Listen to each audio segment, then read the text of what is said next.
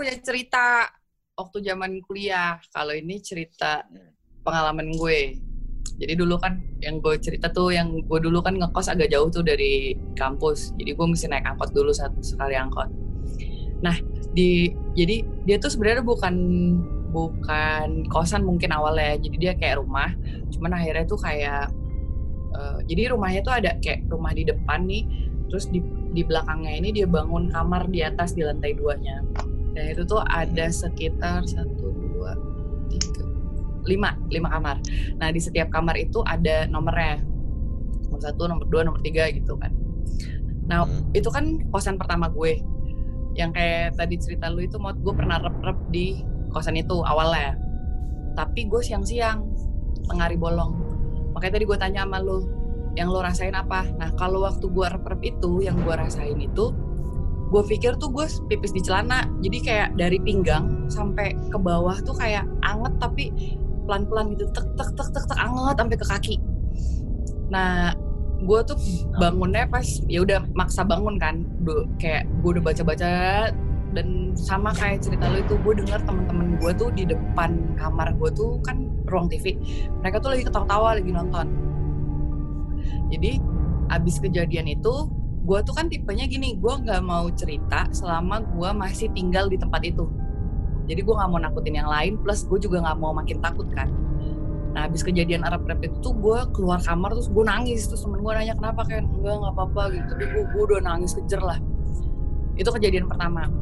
Yang parah itu waktu kejadian kedua nih gue inget banget. Jadi gue tuh kan penakutnya parah ya. Jadi setiap malam itu gue nggak pernah tidur di kamar gue sendiri. Jadi gue pasti numpang di kamar temen gue jadi kamar gue gue tidurin itu cuma siang.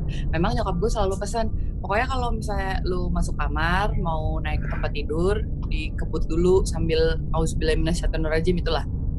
Jadi gue tuh kalau malam nggak pernah lah gue tidur sendiri.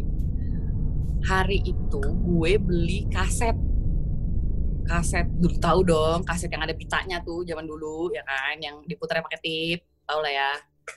Yang nggak zaman ya, lo ya. lewat biasa aja Zaman gua yang oh, kalau ini diputar pakai ini kan pensil kan? Pensil, pulpen, ya. pulpen. Ya, ya pulpen. pulpen pensil itu kalau bisa. tip lu rusak, kalau tip lu rusak. Okay. Nah, ya. terus hari itu tuh gue baru beli kaset. Jadi kaset baru lah itu. Gue baru balik dari mall uh, malamnya karena itu kaset baru kan. Gue dengerin lah. Nah, dulu kalau tip kayak gitu kan, kalau abis dia nyetek sendiri kan tipnya. Ya. Jadi pasti dia mati sendiri kan. Nah, hmm itu gue inget tuh gue di kamar temen gue. Jadi kamar temen gue itu lo masuk kamar ada meja ada tipnya. Terus baru kita uh, sampingnya tuh kasur kasur doang nggak ada dipannya malam itu gue inget banget gue nyalain tuh kaset. Jadi selama kita tidur tuh itu nyala tuh tip. Pintu kan dikunci dari dalam kan. Udah gitu uh, pagi-pagi udah mati kan tip gue. Pas gue buka tip gue kasetnya nggak ada cuy gue nanya sama temen gue dong ini kasetnya mana? Gue bilang Hah kaset apa yang semalam didengerin? Gue bilang nggak ada gue nggak ngambil kata dia. Karena itu kaset baru kan maksud gue kayak kan gue inget banget ya itu kaset baru gue beli dan baru gue dengerin dong. Jadi gue gue inget banget tuh. Gue terus ngoceh terus temen gue kayak iya ya itu kaset ke mana ya? Semalam kan kita dengerin ya kan gitu. Terus gue bilang iya loh masa hilang? Itu sampai gue cariin ke kolong meja masa jatuh? Gue sampai kayak gitu. Tapi kotaknya ada di depan tip. Jadi gue yakin gue beli tuh kaset dan malam gue dengerin. Udah tuh. Sampai akhirnya gue masih yang kayak seharian itu gue mikir itu kaset ke mana? Gue bilang nah dulu di kampus gue ada temen gue cowok emang bisa lihat gitu. Dia punya six sense lah itu. Lo tau gak pertama kali gue tahu dia punya six sense gara-gara apa? Jadi dulu gue kalau masuk telat pasti lu maunya duduk di belakang dong masuk uh, kelas si cowok ini nih duduk paling hmm, belakang. hmm. gue mau duduk di sampingnya dia tiba-tiba gue didorong sama dia digini sama dia. Jangan di situ sebelah sana aja kata dia. Terus gue kayak ada orangnya? gue kan enggak udah pindah kata dia. Ya udah gue gak duduk situ. Sampai dulu kan gue pernah ada kelas kayak sampai ma mau maghrib gitu kan. Baru keluar kelas. Hmm. jadi kita lagi jalan nih bareng-bareng misalnya berlima nih temen-temen gue kan. Termasuk temen gue yang itu dia suka kayak gini loh sama orang. Sanaan dikit. Jalannya ke dikit. Kita tuh kayak didorong-dorong gitu loh sama dia. Apaan sih gitu? Jalannya sana dikit gitu. Sampai akhirnya kita tahu. Jadi dia tuh kayak bisa ngeliat gitu. Dan menurut cerita dia dulu kampus Unpad yang di DU itu banyak kayak tentara gitu. Dan kalau maghrib dia bilang tentara tuh pada keluar tuh kayak berbaris kata dia. Itulah gue tahu dia bisa lihat yang kayak gitu-gitu. Nah iseng lah gue sebenernya. Gue dulu kan lumayan suka nongkrong bareng lah awal-awal kuliah tuh kan semester 1 namanya Agil dulu. Gil kaset gue hilang. Gue bilang gue tuh di mobil di mobil teman gue. Kita suka jalan bareng gitu kan. Gue di belakang tuh masih Agil. Gil kaset gue hilang. Hmm kaset apaan? katanya gue beli kaset semalam gue dengerin. Eh pagi hilang. Di dalam tip nggak ada gue gituin. Pintu dikunci. Gue udah nyari nyari nggak ada gue bilang. Oh yaudah terus dia megang bahu gue gini dia megang bahu gue terus dia bilang gini kan merem deh. Terus lu uh, ngebayangin uh, kosan lu tuh kayak apa? Di lantai dua aja deh kata dia di di tempat di kamar lu kata dia di di lantai dekat kamar lu. Semua kamar ya lu lu bayangin kata gue bayangin lah. Terus begitu dilepas. Ada kata dia. Dia cuma ngomong gitu ada nih kaset lu kata dia.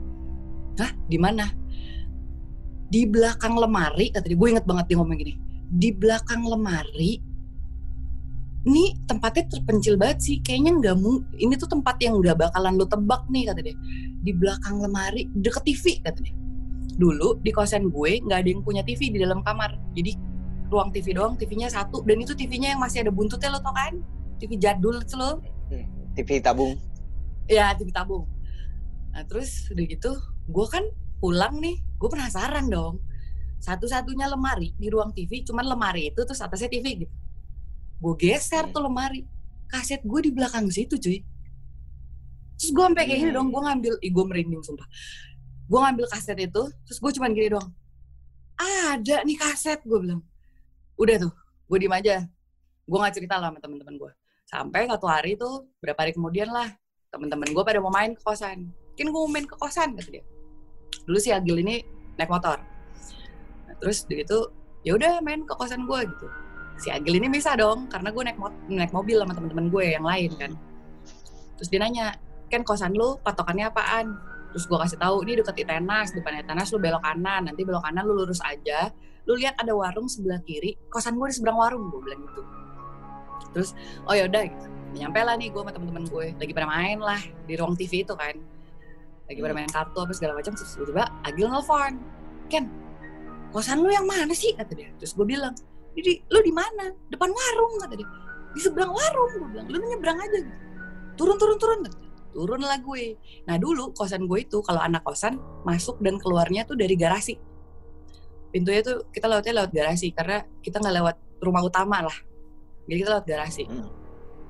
pas gue keluar garasi gue keluar pagar lu tau nggak si Agil tuh dari di, di samping motornya berdiri dia ngeliat gue terus dia gini astagfirullahaladzim dia kayak gitu. Terus gue gini doang ini Gil rumahnya gue gitu terus dia iya yaudah ya masuk. Masuk masukin motor udah masuk. Main lah kita kan. Kan yang tadi gue cerita di masing-masing kamar tuh ada nomor ya nomor kamarnya. Nomor kamar gue tuh dulu nomor 5 jadi kalau lu naik tangga dulu tuh tangganya tangga puter kayak kosan lu sekarang wak tangganya tangga iya, muter. mantap. nah kalau lu jadi abis lu naik tangga nih ini ada kamar mandi terus lu belok ke kiri baru tuh kamar nih nomor satu nomor dua nomor tiga nomor empat itu agak belok ke kanan ruang TV baru ada kamar tuh nomor empat. Nah di samping kamar itu baru kamar gue nah pintu kamar gue ini di sini tuh ada kulkas. Kulkas nggak begitu gede nih ada kulkas di sini. Tempat kita naruh lah macam-macam nah di di depan kamar nomor tiga itu ada kamar mandi satu lagi. Emang kalau di kamar mandi yang di dekat tangga itu tuh gue agak agak kurang suka lah. Jadi gue tuh selalu yang di kamar nomor tiga itu. Ya udah kita main lah itu kan di ruang TV pas main apa segala macam si Agel nih nggak ngomong apa apa bis-bis aja kita tawa-tawa apa. Pas udah mau pulang dia ngomong gini. Dia nunjuk ke kamar nomor empat tapi dia bukan bilang itu kamar siapa. Tapi dia gini nih dia bangun pas udah mau pulang iya ya, Ken thank you ya ya. Terus tiba-tiba dia gini Ken itu apa? Dia nunjuk ke pintu kamar nomor empat Ken itu apa? Terus gue kamar itu kamar temen gue itu nomor empat lu nggak lihat? Gue gitu. Oh gitu. cabut lah dia. Gue udah udah feeling gak enak dong gue besokannya di kampus gue tanya Gil lu lihat apaan sih di kosan gue gitu. Terus dia bilang enggak lu penakut kata dia. Nanggung. Gue udah penasaran daripada gue malah aneh-aneh mikirnya gitu akhirnya diceritain tuh sama dia. Ken waktu gue nyampe di depan warung kata dia di seberang warung tuh yang gue lihat tanah lapang. Gue nggak ngeliat rumah kata dia. Waktu lu keluar dan lu bilang ini gil rumah baru bentuk rumah kata dia. Terus gue diem kan. Terus dia bilang Ken kalau masuk garasi lu baca apa aja yang lu bisa emang kenapa Gil? Dijelasin lah tuh satu-satunya sama dia. Di garasi itu kan ada kayak uh, makhluk kata dia yang lu pernah dengar gak kalau lu ketakutan dia makin gede makin gede makin gede. Lu makin takut tuh dia kayak wujudnya tuh makin gede kata dia. Nah itu tuh ada dia tuh kayak kerjaannya muter-muter kata dia. Gue curiga kata dia di rumah itu ada yang nanam sesuatu kata dia. Kenapa? Gue bilang karena uh, penampakan-penampakan yang dia lihat harusnya dia nggak di situ. Jadi kayak bukan penunggu rumahnya jadi dia dia tuh sampai kayak gini lo bayangin aja orang kalau orang nih dipaksa masuk ke dalam satu ruangan yang dia nggak bisa ngapa-ngapain dia cuma bisa muter-muter doang beteknya kayak apa dan usilnya tuh kayak gimana? Dia bilang karena dia tuh kayak eh, memang ditaruh di situ. Terus gue udah diem aja kan terus jalan tuh dia. Terus dia bilang di bawah tangga muter itu ada anak kecil kan duduk nggak nggak ngapa-ngapain dia kan dia kayak cuma duduk aja. Terus oke. Okay. dia pas gue naik ke atas lu gue kasih tau kan yang gue bilang ada kulkas tuh di samping pintu hmm. kamar gue itu. Jadi kan pintu kamar gue madepnya ke sini nih. Ini kulkasnya madepnya nih ke sana ke depan gitu. Kayak gini kan. Di lantai dua itu kan ada cewek yang kerjaannya cuman bolak-balik dari deket tangga sampai depan kulkas. Jadi dia putar baliknya di depan kamar gue katanya Nah, hmm. si cewek itu tuh yang ngumpetin kaset lu karena dia emang usil aja. Hmm. Tapi emang di kosan gue itu lucu. Kan kita tuh kan cuma lima kamar ya, cuma lima orang. Jadi kalau nyuci itu kan ada pembantunya gitu ya. Kayak kos kaki lang sebelah itu udah biasa cuy. Dan kita tuh kayak nganggapnya hmm. ya udahlah ya entah ke mana. Padahal itu kan kayak cucian itu kan nggak gabung sama yang lain Nah, habis hmm. itu dia bilang, lu tahu nggak yang gue tanya itu apa kata dia. Jadi kamar nomor 4 yang dia lihat itu bukan kamar, dia nggak ngeliat pintu cuy di situ. Jadi kata dia, itu tuh cuma kayak ruangan kosong aja gitu kan, gelap, kayak nggak ada apa-apa. Dan memang kamar nomor 4 itu kamar yang paling gede, uh, paling gede sendiri. Terus cuman kamar itu yang ada karpetnya. Gue juga nggak ngerti kenapa, itu sejarahnya apa, gue nggak ngerti dan setiap lu masuk situ memang lu ngerasanya kayak lembab kamar itu.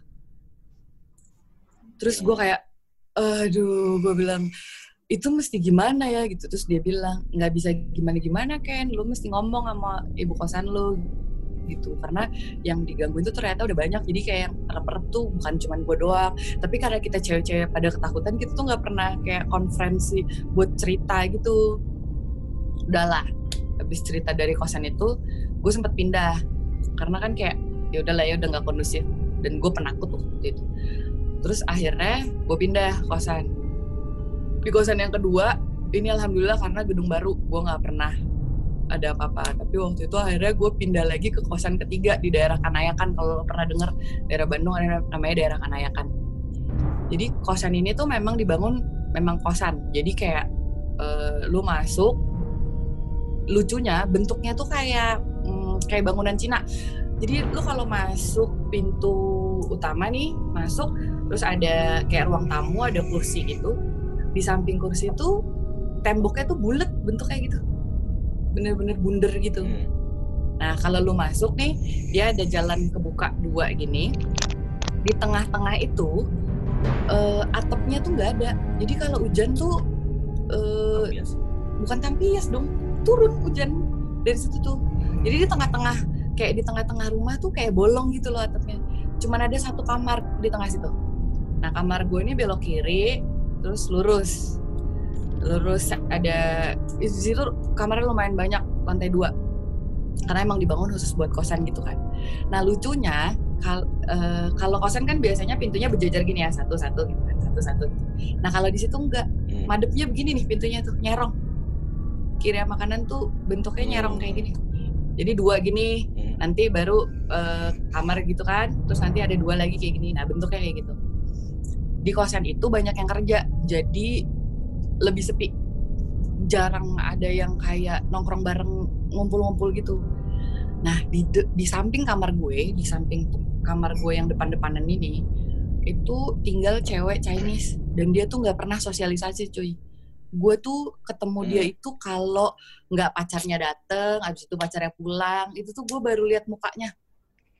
Karena emang dia kayak nggak nggak pernah sosialisasi gitu gue nggak pernah nggak pernah nyapa lah si cewek ini nah di kosannya itu tuh ada uh, kayak jendela keluar tapi jendelanya itu segede pintu.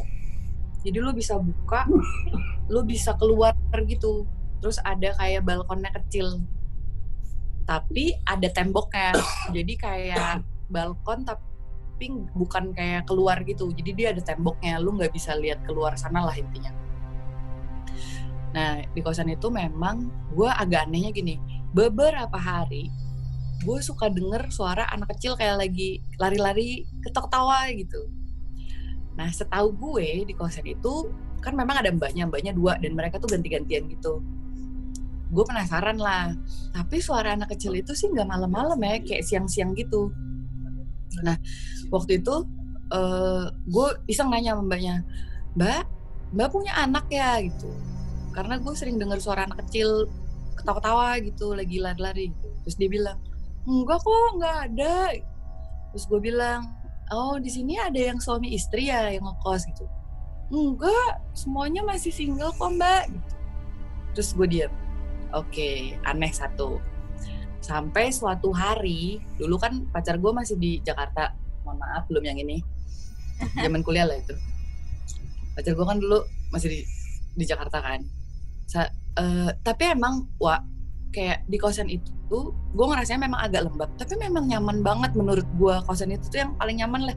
Mungkin karena ada balkonnya itu ya. Jadi gue tuh suka buka balkon gue suka duduk di di pinggiran itu. Terus enak kan udara Bandung kan dingin gitu kan.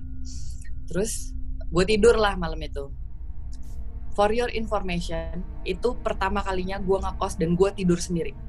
Karena gue nggak punya temen deket di kosan itu.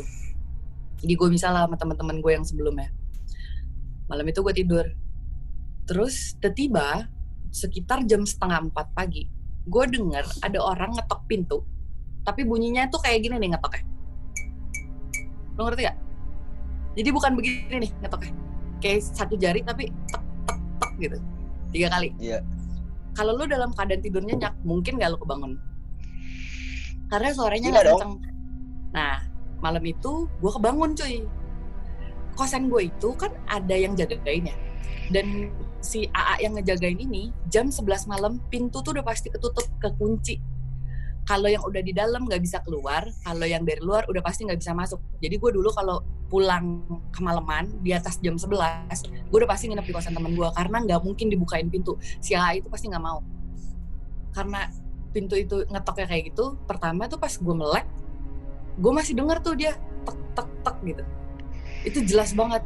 Terus gue kayak ngedengerin gini apa pacarnya sebelah? Dalam hati gue tapi kan kalau pacarnya sebelah pertama dia pasti nelpon kedua pasti ada orang bukain pintu. Ini gue dengerin gak ada yang bukain pintu. Dan si yang ngetok itu uh, kayak tiga paket tuh gak lu? Kayak dia tuh bener-bener tek tek tek sekali terus tek tek tek dua kali terus ketiga kali tek tek tek. Abis itu nggak ada lagi suaranya penasarannya setengah mati tuh pintu mau gue buka dong. Tapi gue takut kan akhirnya gue nelfon pacar gue tuh di Jakarta kan. Terus gue bilang mas mas ada yang ngetok pintu gue bilang. Karena dia kayak baru bangun gitu kan. Hah? Hah? Siapa? Gitu. Kamu di mana? Gitu. Di kosan gue bilang. Ada yang ngetok pintu kosan. Untung dia nanya jam berapa nih? Gitu. Terus pas gue liat jam setengah empat mas gue setengah empat. Nggak ada nggak ada nggak ada. Tidur tidur tidur. Terus gue diem kan. Ya udahlah akhirnya gue memutuskan buat nggak buka pintu. Plus malam itu gue juga nggak denger ada orang buka pintu atau apa. Tapi hilang aja lah suara si ngetok itu kan. Udah beberapa hari kemudian. Jadi gue tuh tetap nggak pernah cerita sama orang kalau gue masih tinggal di situ. Jadi yang tahu kejadian malam itu cuman pacar gue di Jakarta dong gue nggak pernah cerita sama sahabat-sahabat gue pun gue nggak cerita karena sebenarnya gue takut kan. Sampai suatu hari gue lagi pergi nih sama temen-temen gue. Nah temen gue yang satu ini punya six sense gitu cowok. Dia nyetir kan. Tiba-tiba aja tuh kita lagi ketawa-ketawa tiba-tiba teman gue yang lagi nyetir ini ngomong gini ini kan kaca depan nih kaca depan mobil kan. Dia lagi terus tiba-tiba dia ngomong gini Ken ada yang ngetok pintu kosan lo ya? Kayak gini. Dan dia nyontoin tuh di di, di, di kaca depan dia nyontoin kayak gini yang ngetok kayak tek tek tek gitu. Kaget dong gue hah? Kalau tahu sih? gue bilang. Kapan tuh? kata dia. Terus gue bilang iya berapa hari yang lalu gue bilang. Lu buka nggak tuh pintu? kata dia. Terus gue bilang enggak enggak gue buka. Terus dia bilang bagus nggak lu buka? kata dia. Kenapa emang itu kalau lu buka bentuknya nggak banget bisa nggak tidur lu? kata dia. Dan itu sampai sekarang ya gue tuh kayak pertama gue nggak pernah cerita sama siapa-siapa dan dia tahu loh cara ngetoknya itu kayak apa. Itu di kosan gue yang di Kanayakan itu kayak gitu. Tapi gue tetap nggak pindah sih. Emang itu kosan emang nyaman banget. Kan makanya kan kata orang, orang kan suka ada yang bilang kayak gitu kalau emang ada yang aneh-aneh gitu tuh lu suka nyaman di situ. Emang pasti kayak gitu tapi akhirnya gue pindah di situ karena adik gue kuliah di Bandung terus gue ngontrak rumah akhirnya sama adik gue nah pas ngontrak rumah itu sih gue udah udah gak punya. Tapi emang di Bandung tuh ya karena banyak bangunan lama ceritanya tuh ah parah